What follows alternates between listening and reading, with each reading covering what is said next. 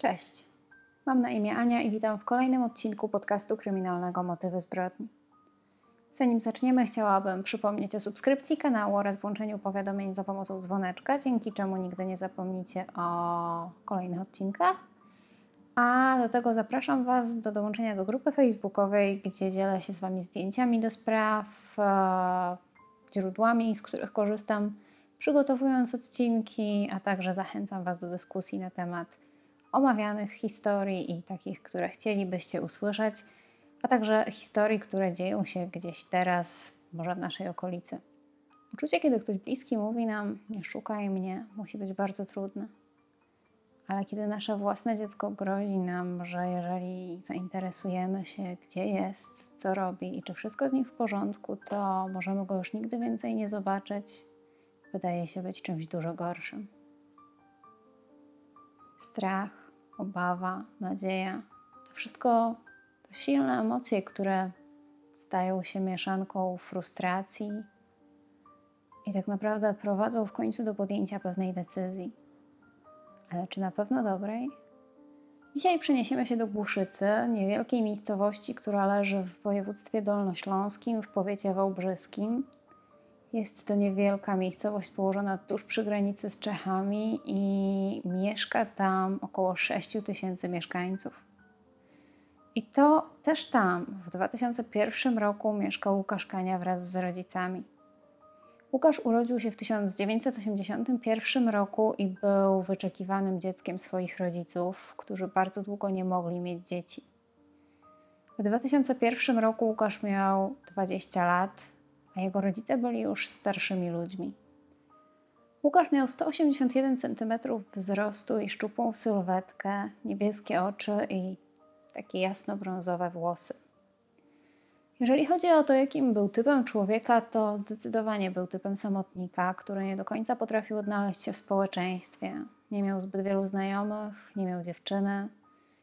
Niewielu osobom mówił o tym, jakie ma plany w życiu i o tym, co się u niego dzieje. Ogólnie niewiele mówił na temat swojego życia, na temat. Niewiele mówił o sobie.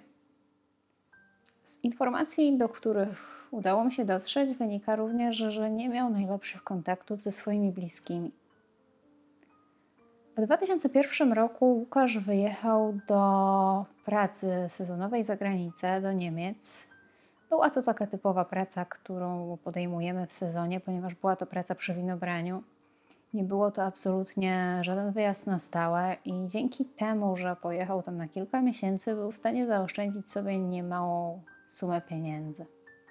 5 grudnia 2001 roku wydarzyło się coś, co rzuciło cień na dalsze lata i, i losy rodziny Kania. Tego dnia Łukasz wziął paszport, ubrał się, wziął torbę i wyszedł z domu. Jednak przed wyjściem z domu rzucił tylko do swoich rodziców, żeby go nie szukali. A jeżeli tego spróbują, to już nigdy się do nich nie odezwie, a jeśli nie będą go szukali, to odezwie się do nich, jak uzna to za stosowne. Łukasz był widziany po raz ostatni 5 grudnia 2001 roku właśnie w Głuszycy przez jakieś osoby trzecie. Tego dnia chłopak miał na sobie czarne spodnie jeansowe, czarną kurtkę z biało-pomarańczowymi pasami na rękawach, czarne buty. Przyznam, że jest to sytuacja dość niecodzienna i tak naprawdę podejrzewam, że taką decyzję musiało coś spowodować. Być może w rodzinie doszło do jakiejś kłótni, być może dochodziło do kłótni częściej, a być może Łukasz dość mocno nie dogadywał się ze swoimi bliskimi i po prostu chciał się wyprowadzić. Nieczęsto zdarza się, że rzucamy takie słowa do naszych bliskich, do naszych rodziców, a jeśli po prostu chcemy się usamodzielnić, to zwyczajnie po prostu możemy się przeprowadzić, ale nie musimy zrywać z nikim kontaktu. Podejrzewam, że dla rodziców Łukasza nie był to również łatwy moment, ale postanowili, że będą mieli nadzieję i będą spokojnie czekali. Postanowili nie powiadamiać policji, ponieważ ich syn opuścił dom z własnej woli, więc czekali. Z dnia na dzień wierzyli, że chłopak szybko się do nich odezwie. Mieli nadzieję, że być może po prostu wyjechał do pracy za granicę, ponieważ, tak jak wspominałam, tamtym roku pracował przy jakichś sezonowych zbiorach w Niemczech i być może po prostu chciał pojechać i zarobić trochę więcej. Może poznał kogoś, kto umożliwiłby mu taki wyjazd bądź ułatwił. Chłopak wziął ze sobą paszport, miał też jakieś pieniądze, więc wydawało się, że to może być bardzo możliwa teoria. Dlatego też państwo Kania czekali i mieli nadzieję, że ich syn się odezwie. Czas mijał, a rodzice Łukasza, mimo jakichkolwiek informacji z jego strony, nie, pode- nie postanowili, aby powiadomić policję, zgłosić jego zaginięcie. Czekali, mieli nadzieję, że już niedługo syn się odezwie. Jednak kiedy minęły dwa lata, w 2003 roku ojciec Łukasza postanowił podjąć jakieś kroki, jednak ciągle nie, nie chciał zgłaszać zaginięcia syna na policję, nie chciał informować nikogo i nie chciał robić żadnego szumu wokół tego, a postanowił sprawdzić po cichu po prostu, czy być może Łukasz dał jakiś znak życia. Ojciec Łukasza postanowił wysłać pismo do Centralnego Biura Meldunkowego, aby dowiedzieć się, czy ktoś o personaliach jego syna zameldował się gdziekolwiek w Polsce. Odpowiedź przyszła dość szybko, niestety nie była zadowalająca, ponieważ okazało się, że okazało się, że nikt, kto nazywał się Łukasz Kania, nie zameldował się pod żadnym adresem w Polsce. Mało tego, okazało się również, że mimo iż w tamtym momencie przypadał obowiązek wymiany dowodu osobistego, to Łukasz takiego dowodu nie wymienił. Mogło to świadczyć o tym, że Łukasz po prostu nie mieszka w Polsce. Mimo informacji, jakie udało im się uzyskać z Centralnego Biura Meldunkowego, to nie podjęli żadnych dalszych kroków. Nie wiem dlaczego. Być może ciągle nie chcieli robić hałasu na temat tej sprawy. Jednak kiedy minęło 8 lat, to coś chyba umarło.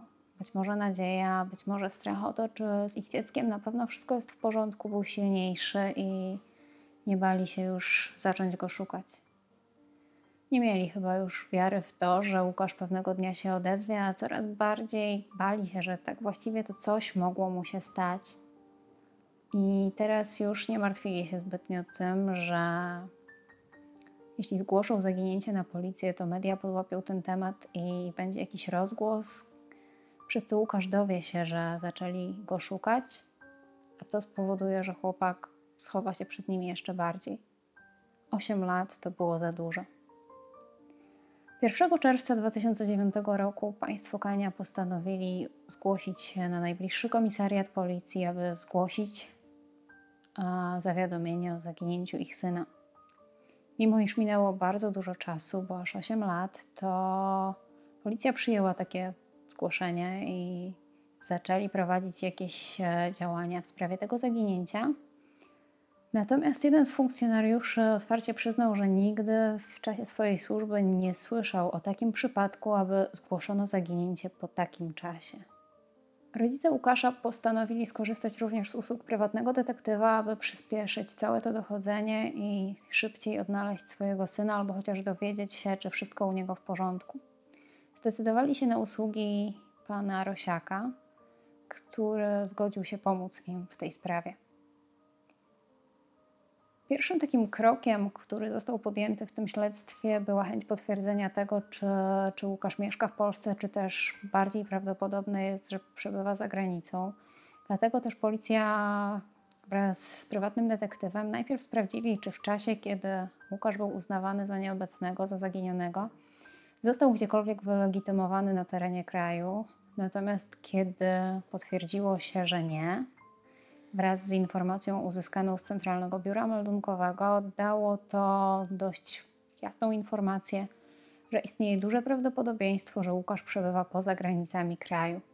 W międzyczasie pojawiły się również informacje, że Łukasz mocno interesował się religiami wschodu, co doprowadziło do kolejnej teorii, która w jakiś sposób mogła naprowadzić śledczych na to, co dzieje się z Łukaszem.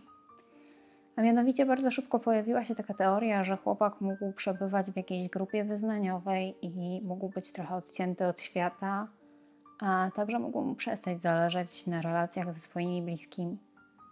Oczywiście policja nie wykluczała też innych możliwości, takich jak samobójstwo czy zabójstwo. Natomiast detektyw Rosiak rozpoczął swoje śledztwo od tego, aby dowiedzieć się czegokolwiek na temat Łukasza, ale niestety nie było to łatwe zadanie i nie tylko ze względu na to, że Łukasz nie był zbyt towarzyską osobą i nie mówił o sobie zbyt wiele, i więc tak naprawdę niewiele osób cokolwiek o nim wiedziało, ale również dlatego, że minęło 8 lat, więc nawet jeżeli kiedyś ktoś coś widział, to prawdopodobnie już nie pamięta. Detektyw Rosiak założył sobie kilka teorii, dzięki czemu miał jakiś punkt zaczepienia, jakiś punkt wyjścia, z którego mógł rozpocząć dalsze śledztwo. I pierwsza taka teoria dotyczyła jego wyjazdu zagranicznego w celach zarobkowych. Tak jak wspominałam, Łukasz w roku przed zaginięciem był w Niemczech w celach zarobkowych przy pracy sezonowej i wtedy też wspominał, że być może pojedzie tam jeszcze raz. Biorąc pod uwagę fakt, że wziął wszystko, co było w 2001 roku potrzebne do przekroczenia granicy, czyli paszport, dokumenty, dość sporą sumę pieniędzy, a także torbę z ubraniami, jest to coś, czego zdecydowanie nie można wykluczyć i, i na pewno warto taki trop sprawdzić. Kolejna hipoteza, jaką rozważał detektyw Rosiak, dotyczyła czegoś, co właściwie w świetle tego, co wiemy, można by odrzucić, natomiast e, no nie w 100%. A mianowicie hipoteza ta dotyczyła samobójstwa. Niewiele jednak wiemy na temat stanu psychicznego Łukasza, poza tym, że chłopak był osobą bardzo zamkniętą, ale czy miał jakieś myśli samobójcze, czy coś go jakoś mocno gryzło. Poza tym wziął ze sobą rzeczy, wziął pieniądze, wziął paszport, więc ewidentnie musiał mieć jakieś plany na to, co chce zrobić, wychodząc z domu swoich rodziców. Kolejna hipoteza, która się pojawia, jest e, hipotezą, która, która dotyczy religii. Tak jak już wspominałam, Łukasz bardzo interesował się religiami wschodu, takimi jak buddyzm czy taoizm. I być może chłopak poznał kogoś, kto zaoferował mu pobyt w jakimś ośrodku religijnym, że tak to nazwę. Być może wstąpił do jakiejś sekty i, i przebywa tam właściwie do dziś odcięty od, od świata zewnętrznego, nieświadomy tego, co się dzieje i że jest poszukiwany przez swoich rodziców.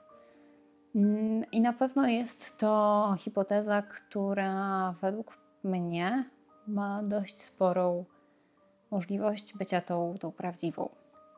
Kolejny wątek, który pojawił się w śledztwie w sprawie zaginięcia Łukasza Kani, dotyczy logii cudzoziemskiej.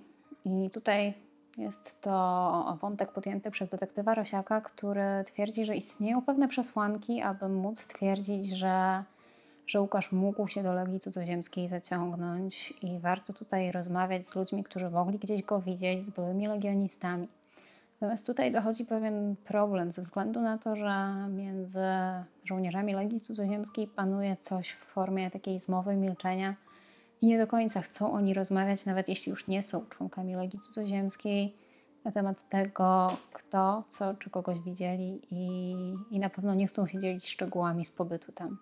No i właściwie już ostatnia teoria, która wydaje się być dość oczywista, dotyczy tego, że Łukasz Kania po prostu świadomie chciał zerwać wszelkie kontakty ze swoją rodziną. Być może nie układało im się najlepiej, być może chłopak miał jakieś problemy, pretensje do rodziców być może zwyczajnie nie chciał z nimi rozmawiać, nie chciał przebywać w ich okolicy, nie chciał mieć z nimi kontaktu i po prostu postanowił wyjechać, tak jak sam powiedział, prosząc o to, aby go nie szukali i się do niego nie odzywali. Jednak też no, obiecał, że się odezwie, a się nie odezwał.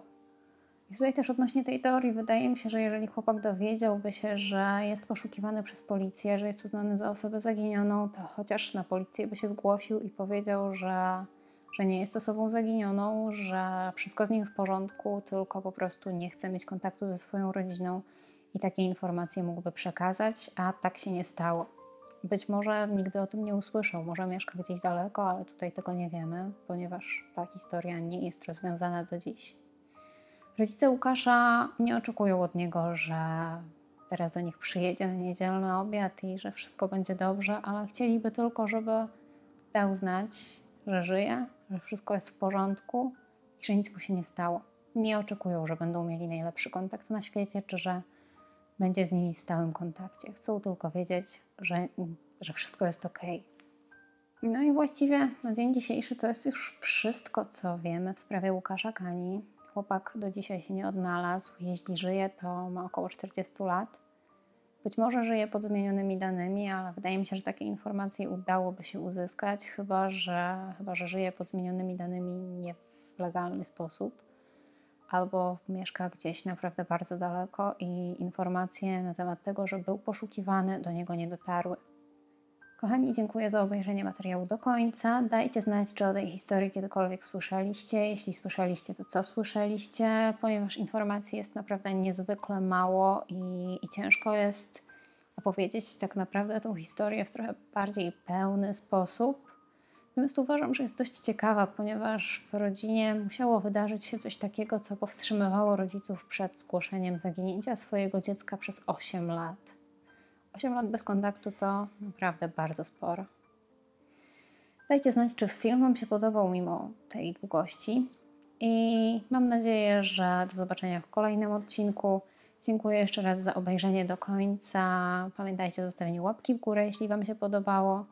Dbajcie o siebie, o swoich bliskich i jeśli coś się dzieje, to nigdy nie czekajcie tak długo. Do usłyszenia. Cześć.